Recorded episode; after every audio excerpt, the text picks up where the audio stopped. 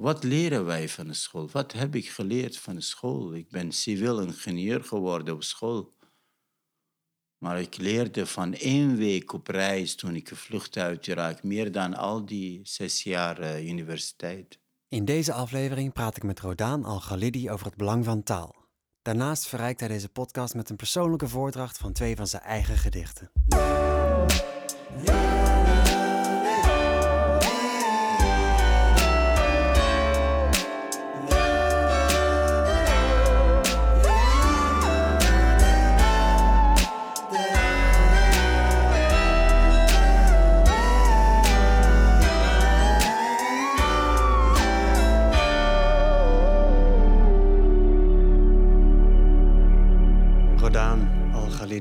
Dichter en schrijver uh, van onder andere de bestseller Hoe ik talent voor het leven kreeg en je meest recente boek Holland.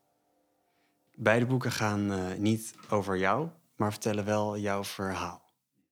En ik vroeg me af waarom je eigenlijk uh, bent gaan schrijven. Ik hou heel erg veel van taal, van woorden. Ik denk dat de beschaving beginnen toen de taal begon eigenlijk. Dan gooien de mensen geen stenen tegen elkaar. Of in rotte tomaten. Nee, precies. Maar woorden. Ja. ja. En uh, je kan de steen ontvangen met jouw hele lichaam. Dan word je rood. Ja. Maar met de woorden hebben wij twee mooie oren voor. En dat is een mooie systeem. Het kan werken met woorden, maar niet met stenen gooien of raketten of bomben. Of zo. Vind ik woorden eigenlijk vertellen veel over de beschaving van ons als mensen op deze planeet. Ja, precies. Oh ja, dat is wel mooi. Ja. En, je kan, en je kan natuurlijk ook altijd een woord teruggooien, bij wijze van spreken. Absoluut, maar liever niet. Stilte is de mooiste woord tegen een slechte woord ja. ja. En, uh, en je schrijft in het Nederlands. Waar, waarom schrijf je eigenlijk in het, ben je in het Nederlands gaan schrijven? Of schreef je eh, eerder ook in andere talen? Het is een soort uh, verbinding met de plek en de mensen om mij heen. Stel je voor dat een Chinees gaat barbecue in China. Ik kan het niet ruiken, ik kan niet testen, maar een Nederlander hier een barbecue hebben, dan kan ik het ruiken, ja. testen. Dus is, ik woon hier, ik hoor bij de barbecue van Nederland. Ja, ja, dus ik gebruik de taal. De taal is de kruiden van de, het land zelf. Ja. dus ah, als ik bijvoorbeeld tien jaar zou in uh, Frans, Frankrijk wonen, dan zou ik ook in Frans schrijven. Taal is niet uh, van iemand. Dus taal is net als lucht. Wolken is heel vrij, is van iedereen. Ja. En de Nederlanders vaak denken dat zo, waarom schrijf je in ons taal?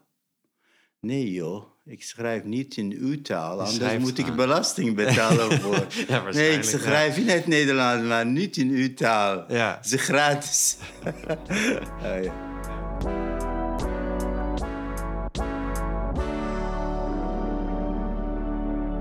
We zijn nu uh, bij mij, Thijs. Ja, maar je, je, gaf eerder aan dat je het ook leuk had gevonden om in de kringloop. Uh... De kringloopwinkel in Nederland is een echt prachtig wereld. Ja, ja, ja. Het is een hele mooie, ik zeg altijd, het is een mooi museum. Je kan alles uh, kopen met een goedkoop mogelijk. Ja. En je kan er heel veel, heel veel tijd... Maar je, kan ook, je hebt de mogelijkheid om te lopen in de verleden tijd van anderen. Ja. Elke schoen daar is niet van een beest geweest, maar van een voet. Ja. Elke t-shirt is van een uh, borst. Elke BH was een voor ruimte en melk. Bij de winkel, nee, volle prijzen en euro's. Ja. En mooi. Het is, de Krillo-winkel is... Maar je moet eigenlijk wel de mens niet vies vinden.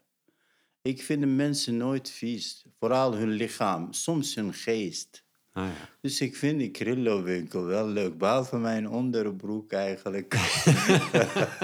Koop ik alles van, van ja. de Krillo-winkel. Ja, ja, ja. Ja, snap ik ook wel. Want het is natuurlijk ook wel een, een, een mooie plek of zo.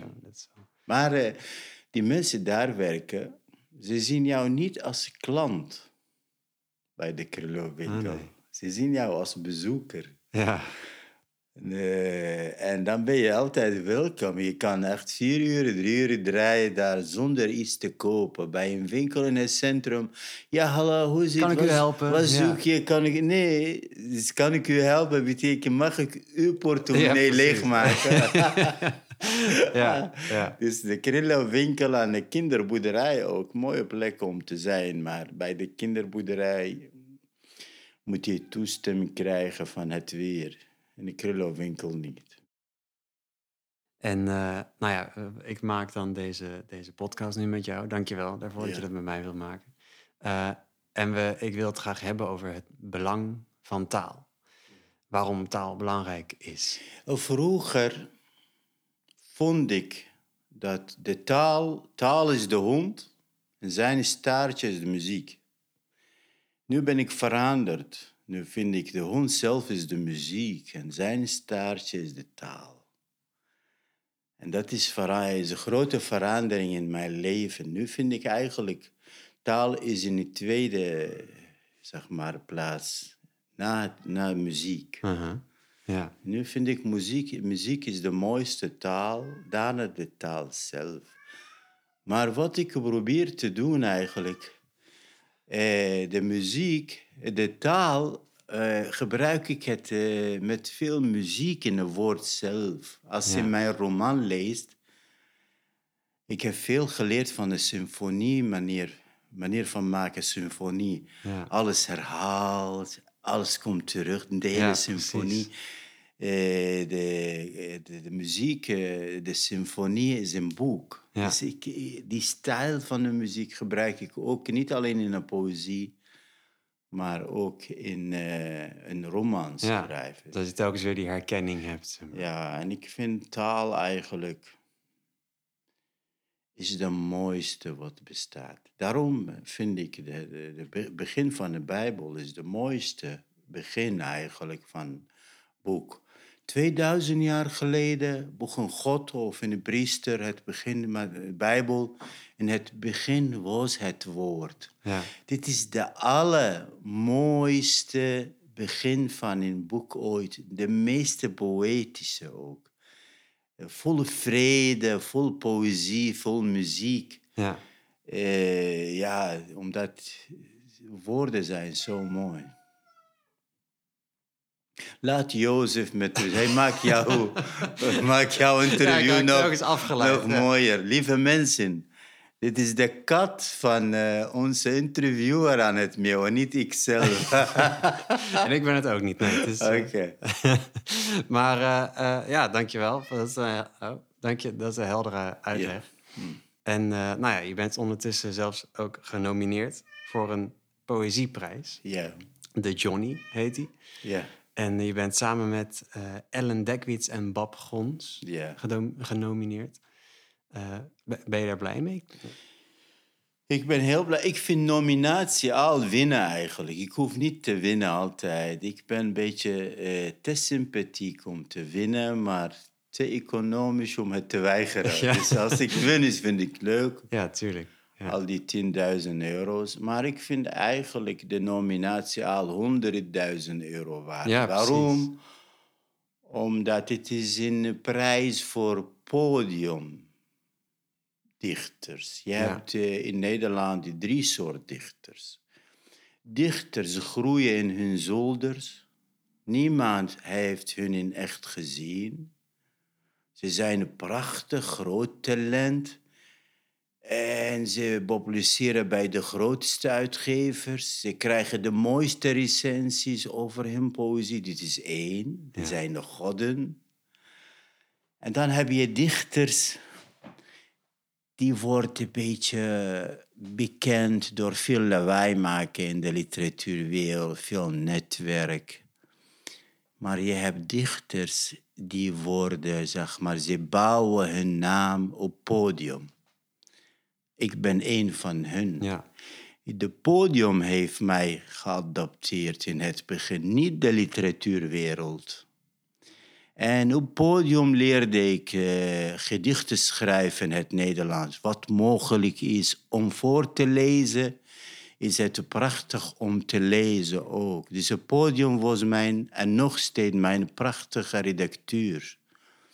En, en uh, daarom heb ik veel, gele veel geleerd van podium. Mm -hmm. Maar ik vind het prachtig dat het is voor het eerst een prijs voor podiumdichters. Ja.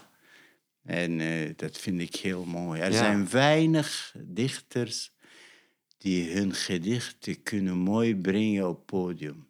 Ja, klopt. En nou ja, je, je brengt natuurlijk wel ook je, je, je gedichten uit. Ja, ja, ja, ja. sommige Maar- dichters als ze gaan voorlezen krijgen op een dominee in een begrafenis. Waar gaan we heen? Waar leidt de weg? Je, je, je wordt zo moe. Ja. Daarna ga je nooit een gedichtbundel kopen. Of nee joh, het is weg met al die poëzie. Zo triest en donker. Maar al zijn dichters die brengen de politiek in een mooie manier op podium, brengen liefde in een mooie manier, de lente, de herfst, eh, ze brengen alles in een mooie manier. Dat is een beetje eh, hoopgeving en ze dromen en dit is toch mooi. Dat is, eh, ja, er zijn weinig dichters die dat kunnen. Ja, ja. En eh, nou, vind je dan ook het allerleukst eigenlijk om je gedichten voor te dragen? Nee, maar eh, je hebt mensen die eh, kunnen columns schrijven om geld te verdienen voor hun kosten per maand. Hè? Ja, Je hebt mensen die zeg maar, krijgen geld van al die fondsen bij elkaar. Maar ik, ik had het podium. Ik verdiende mijn broden nog steeds van optredens, niet van boeken verkopen. nee, nee, nee. En dan moet je jezelf een beetje verbeteren. En, eh, en dat was het eigenlijk een beetje een manier van leven. En ik heb altijd mijn eh, podiumpoëzie zijn de beste wat ik schrijf. Van elke gedichtbundel zijn vier of vijf, soms twee gedichten die goed passen op podium.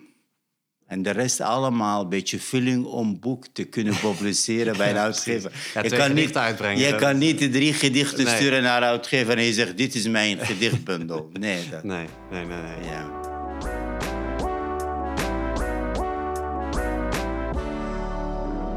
En, en eh, nou, je hebt ook iets meegenomen, toch? ja, ik heb een eh, gedichtbundel. Mijn laatste gedichtbundel heet Neem de titel serieus. En ik zou eh, een gedicht voorlezen. Het heet Verlaat dit boek. Dit gedicht gaat over Ophelia van Shakespeare. Shakespeare gaf veel aandacht aan Hamlet, maar niet zoveel aandacht aan Ophelia. Lieve Ophelia, verlaat het boek en kom bij mij. In plaats van het omslag heb ik ramen voor jou. In plaats van woorden heb ik een hart. Ophelia, kom zoals ik de mooiste tijden heb gegeven. Om jou te lezen zal ik de warmste nachten schenken om jou te beminnen. Ophelia, leven is mooier dan eeuwigheid. Of wil je nog een gedicht? Oh, nee, is genoeg. Ja, ik, eh, ik, eh, ik eh, geniet er wel van. Of misschien speel je piano en ik ga voorlezen. Nee, dat- nee, dat kan niet. Oké, ga dit... eenzame vrouw. Een vrouw koopt een boot en zet die in haar slaapkamer. Zij houdt van zee, vrijheid en rust. Een man komt haar slaapkamer binnen. Hij hoort meeuwen en ruikt het zilt van de golven. Hoe magisch de muren, als zij gebolde zeilen zijn. En hoe wijs de slaap, als zij de verte is. Eenzame vrouw, omdat de man geen zee is. Dankjewel. En je hebt natuurlijk eh, nu twee gedichten voorgelezen. Ja. Dus dat zou betekenen dat misschien dat nu dan wel alle voor te dragen gedichten waren die in dat bundel stonden. Ja, in die, ja nee, ik denk nog drie of vier. Dat was een heel goed bundel. Maar ik bedoel, er zijn gedichten geschreven, maar niet voor, eh, om het voor te Nee, lezen. Nee. Maar eh, gewoon om het te lezen en nadenken. Het zijn ook prachtige gedichten. Ja. Ja. Maar het podium heeft een speciale gedichten nodig.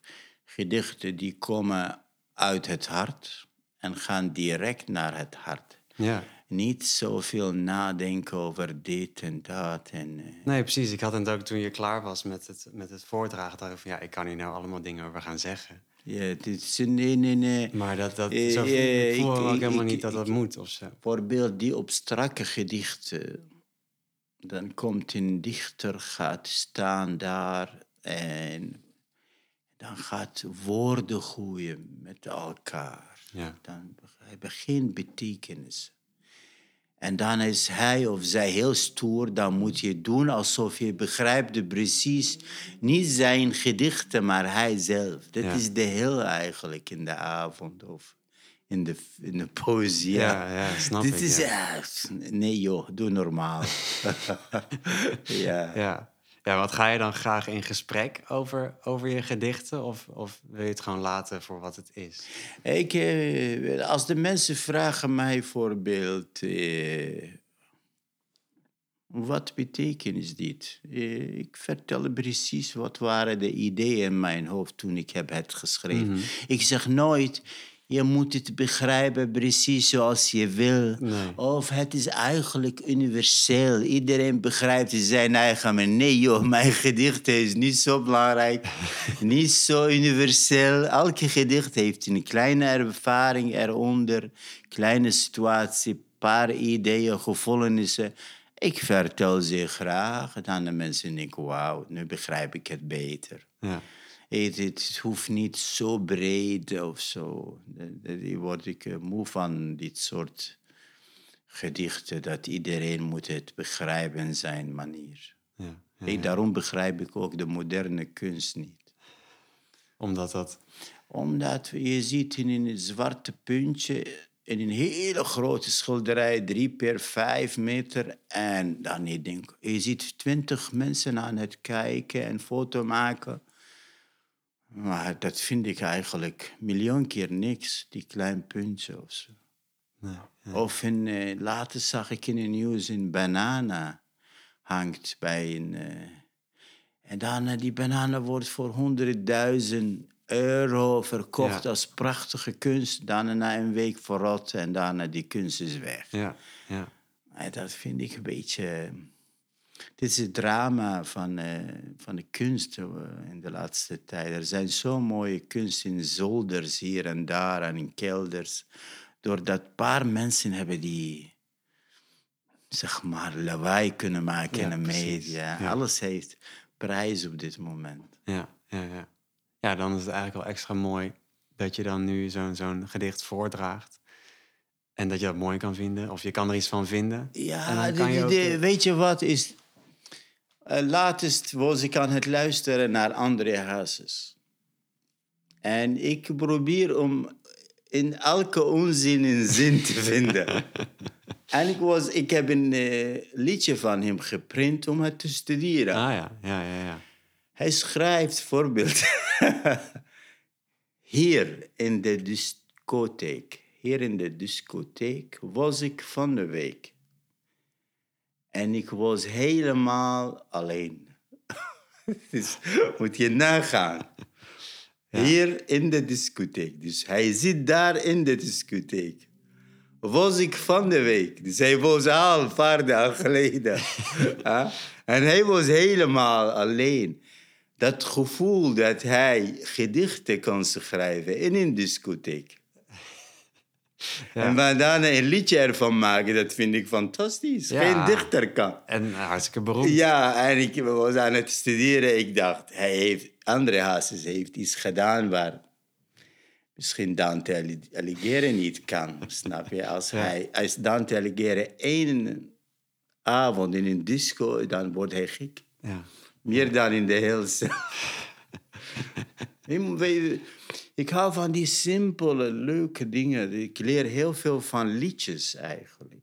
Om, eh, om gedichten te schrijven. Die teksten van uh, liedjes. Ja. Heel mooi, die herhaling, die ritme. En uh, dat vind ik heel erg mooi. Ja, en daarom dat je nu dus ook muziek eigenlijk belangrijker vindt dan Ja. de taal. Ja, het- Ja. Omdat het eigenlijk eh, staat de taal in dienst van de muziek. Ja, absoluut, absoluut. En eh, ik hoop dat ik in een andere leven eh, word ik geboren als een gitaar of viool. Niet als gitaarspeler of viool. Ja, want je speelt al gitaar, ja, toch? Ik hou van, ja, ik hou Ja. van een gitaar. Maar ik zou graag dat ik eh, geboren word als een muziekinstrument. Ja, ja, ja, ja. En dat je bespeeld wordt. Ja, dan geluid komt naar, van mij, niet zuren. En dan word ik bestemd altijd als ik niet lekker voel. Dat is Ja, toch ja, fantastisch?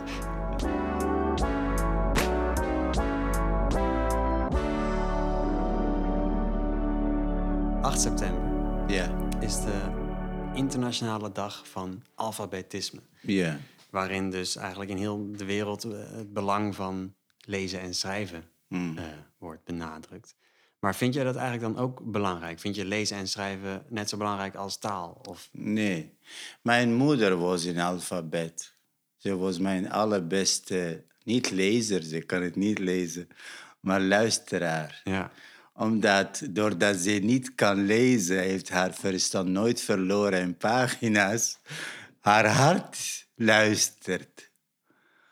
En eh, ik vind, je bent alfabet. Ook als je kan lezen en schrijven, maar dan heb je een gesloten hart. Maar als het hart open, dan heb je de taal niet nodig. Nee, nee, dan nee. ben jij zelf de taal. ja. Dan hoef je dat niet vast te leggen. Nee, nee, nee. Ik ben eh, heel dankbaar voor al die alfabetten smokkelaren die hebben mij gered van oorlog. ja. Al die alfabetten hardwerkende familieleden van mij, die hebben gewerkt in de akker, in heel moeilijke situaties, zodat ik hoef niks te doen tot mijn twintigste misschien. Alleen maar gedichten voorlezen, lezen en zuren over de wereld, dat de wereld zo hard is. Terwijl ik had niks gedaan toen. Nee, en er werd maar naar je geluisterd. ja. lang leven de alfabetten. Dat is Maar ik zou precies ook- tegenovergestelde ik- wat... wat Ja, maar ik zou ook, ik zou ook eh, soms, op dit moment eigenlijk, eh, heb je alleen maar je oren nodig om te redden. Dat de media komt naar jouw oren kan ook. Vroeger die boekenvorm nodig. We hebben geen iPhones, al die, geen schermen, maar nu in een alfabet vrouw in Afghanistan weten precies wat Ja. is aan de hand. Ja, je hebt het En- eigenlijk niet eens meer nodig. Nee, nee, je hebt die letters niet nodig. Niemand type eens. Nee. Soms praat jij een woord, weet je. En dan in de iPhone doet het, eh, verander jouw stem naar woorden. Ja. Dan wordt een bericht gestuurd. En ook, ook podcast nu natuurlijk. Normaal las je een artikel en nu eh, luister je naar een podcast. nee, dit is een ouderwets, die woorden, dan moet je het... Net als muziek ook, schrijven en lezen. Ja. Ik hoorde ooit dat de beste gitaristen zijn heel slecht in eh, noten lezen. Vooral in Spanje. Ah, ja, ja, ja. En een keertje heb ik een flamingo-speler ontmoet. Hij speelt prachtig. Ik zei, kon jij muziek lezen? Hij zei, no, I am not reader, I am a player. ja, ja, dat is natuurlijk met taal kan het ook net zo zijn. Ja. Nou, dat is ja, eigenlijk wel vet grappig. Omdat natuurlijk de VN die eh, moedigt dan aan om, om dat iedereen kan, Nee, kan joh. lezen en schrijven. Neem, neem een kind van Irak die alfabet werkt vanaf zes uur met zijn ouders. En een kind in Nederland die zeurt de hele tijd om een nieuwe telefoon of eh, Xbox eh hebben. Ja, ja. Je ziet dat die kind in Irak verliest zijn kinderjaren, maar heeft zijn hele leven rust en verantwoordelijkheid. Je ziet dat de kind in, eh, in Nederland heeft prachtige kinderjaren, maar kan hij nooit groeien tot een man of een vrouw of ik weet niet wat. Soms is ik, ik heb zoveel geleerd van die harde gebeurtenissen in de kinderjaren, voorbeeld. Ik heb veel geleerd, niet van boeken, maar van echte mensen die nooit een boek gelezen hebben. Mhm. En, eh, en, en dat is de school van het leven. Eh, Bernard Shaw zei, ik ben gestopt met leren toen mijn ouders hebben mij naar school ge- gestuurd. Wij leren van het leven zoveel. En nu de school is de slechtste afleiding van die school van het leven. Ja. Het is, eh, wat leren wij van de school? Wat heb ik geleerd van de school? Ik ben civiel ingenieur geworden op school. Maar ik leerde van één week op reis toen ik gevlucht uit Irak meer dan al die zes jaar eh, universiteit. Ja.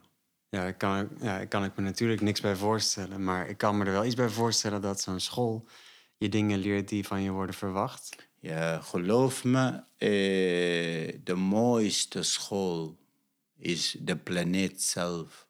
Niet die kleine gebouwtjes hier en daar. En, en de slechtste wat je kan van leren is huiswerk en meester en juf. Ja. Die zijn de slechtste, net als een lek in jouw fiets, lekke band. Dit is een meester of een juf. Is lek, lekke band in je fiets. Je kan niks doen, snap je? Dat heb ik een beetje geleerd in Ja. leven. En je leert natuurlijk heel goed wat goed en fout is. Ja, maar er is ook een dubbel gevoel. Ja. Als je zegt tegen mij, in die, voorbeeld in die tijden dat jij in de asielzoeker zat en mag niks doen. Wat heeft... Hoe ben je gered? Niet gek geworden, zou ik zeggen, boeken. Ja. Ja, oké. Dus het is ja. een beetje ook dubbel eigenlijk. ja. En eh, ik geloof voorbeeld dat Taliban voorbeeld heeft gewonnen omdat ze hebben één boek goed gelezen, de Koran. Als de Afghaanse volk hebben twee boeken gelezen in die twintig jaar, hadden ze gewonnen tegen Taliban. ja. Snap jij? Ik denk dat soms boeken geven veel kracht als jij iemand anders wil zijn. Of als jij jouw toekomst nodig hebt. ja. Dan zijn de boeken de beste. Maar als je dat niet hebt, dan, dan hoef je niet te lezen. Stel je voor dat ik eh, woon in een vallei waar... eh, in Zuid-Amerika alleen bergen en vogels en ijzel en een paar schapen. Ja, waar heb je dan een boek Zou ik de gelukkigste ter wereld Ja, zijn. ja, ja, ja. Beetje dubbel. Ja. Ja, dus eigenlijk, nou ja, we hebben dan als eerste, als belangrijkste muziek. Ja, en dan is het staartje van de hond, ja. is de taal. En dan zou lezen en schrijven, wat zou dat dan zijn? Deze schrijven eigenlijk de riem. Ja. oh ja. Ja. Ja. De lezen en schrijven castreren en steriliseren de hond zelf. Dan ben je niet meer vrij. Ik vind de, de Grieksen eh, prachtig, de Griekse filosofen. Omdat ze schreven toen geen boeken. Ze zitten in een cirkeltje en vertelden ze hun ideeën. Ja. Fantastisch. En andere mensen die schreven dat Ja, andere mensen horen het. Ja. Maar als iemand iets overleest, Socrates is een beetje eh, naar de hemel gegaan met zijn eigen keuze. Dan schrijven, oh, hij heeft dat gezegd en dit. Dat vind ik zo mooi. Ja, ja, ja. Dus eigenlijk zou je voor je volgende boek willen dat jij gewoon dingen kan vertellen. En dat iemand anders dat op. Oh nee, in het volgende boek zou ik graag gewoon witte pagina's publiceren en de lezers kopen zodat ik ervan kan lezen en hoef het niet te lezen. Ja, dat zou mooi zijn. Ja, ik, ik zie nu, helaas, vind ik heel erg jammer. Eh, Ik zie mijn schrijverschap op dit moment als een eh, economisch proces om ervan te leven. Ja, Vroeger leef ik van de woorden zelf. ja. De woorden geven mij kracht. En nu leef ik van de boeken verkopen. Dus ik ben helaas een beetje economisch geworden. Vind ik heel jammer. Maar ik beloof je, na mijn eerste miljoen euro stop ik met dat. Dan ga ik alleen maar eh, schrijven voor mezelf en een paar vrienden. Ja, ja, ja. Nou, dat is wel heel grappig dat je dit zegt. Want ik eh, wilde eigenlijk deze aflevering een soort van afsluiten. En die sluit ik altijd af met een dagvraag. Ja. En dat is de laatste vraag die ik eh, stel. En daarna zeg ik dag. Ja.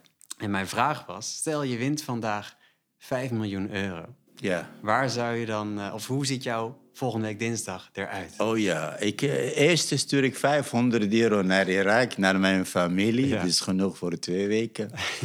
Dan stuur ik 500 euro's voor kinderen in Afrika. En de rest ga ik meteen naar Bali. Meteen. Want dat is je droom. Eh, Bali, en dan in Bali ga ik liggen op strand. Witte strand. Bij een hele dikke, chique hotel. Ja, ja, ja. Alleen maar cocktailtjes eten, drinken. En naar de oceaan kijken. En dan drie masseurs per dag. Eentje voor schouder, eentje voor rug en eentje voor voeten. En daarna wil ik niks horen over de wereld. En ik schrijf op mijn plek in Zwolle in de memorieën. Ooit woonde hier een mislukte dichter en schrijver. Het lijkt alsof je er al heel lang over na hebt gedacht wat je zou doen met 5 miljoen. Absoluut, nee. Niet met 5 miljoen, maar met 50.000, ja, dacht al ik. Nou, ja. Ja, ja. Nee, 5000 is ook genoeg. ja, precies. Ja. Nou, hartstikke bedankt Dank je voor, eh, wel. voor dit gesprek. Ik vond het heel, eh, heel leuk om met je hierover te praten. Ik bedank jou, ik bedank jouw kat Jozef. Hij krijgt veel gastvrijheid, hij heeft mij veel gebeten. maar de mensen gaan het voelen in de interview. Elke lach is gebeten van die Ja, ja, ja. klote, lelijke kat Jozef. ik zou dat je zijn foto ook bij de interview Ja, eigenlijk wel. publiceren. Ik zal een foto van hem erbij Oké. zetten. Ja, dankjewel. Dankjewel.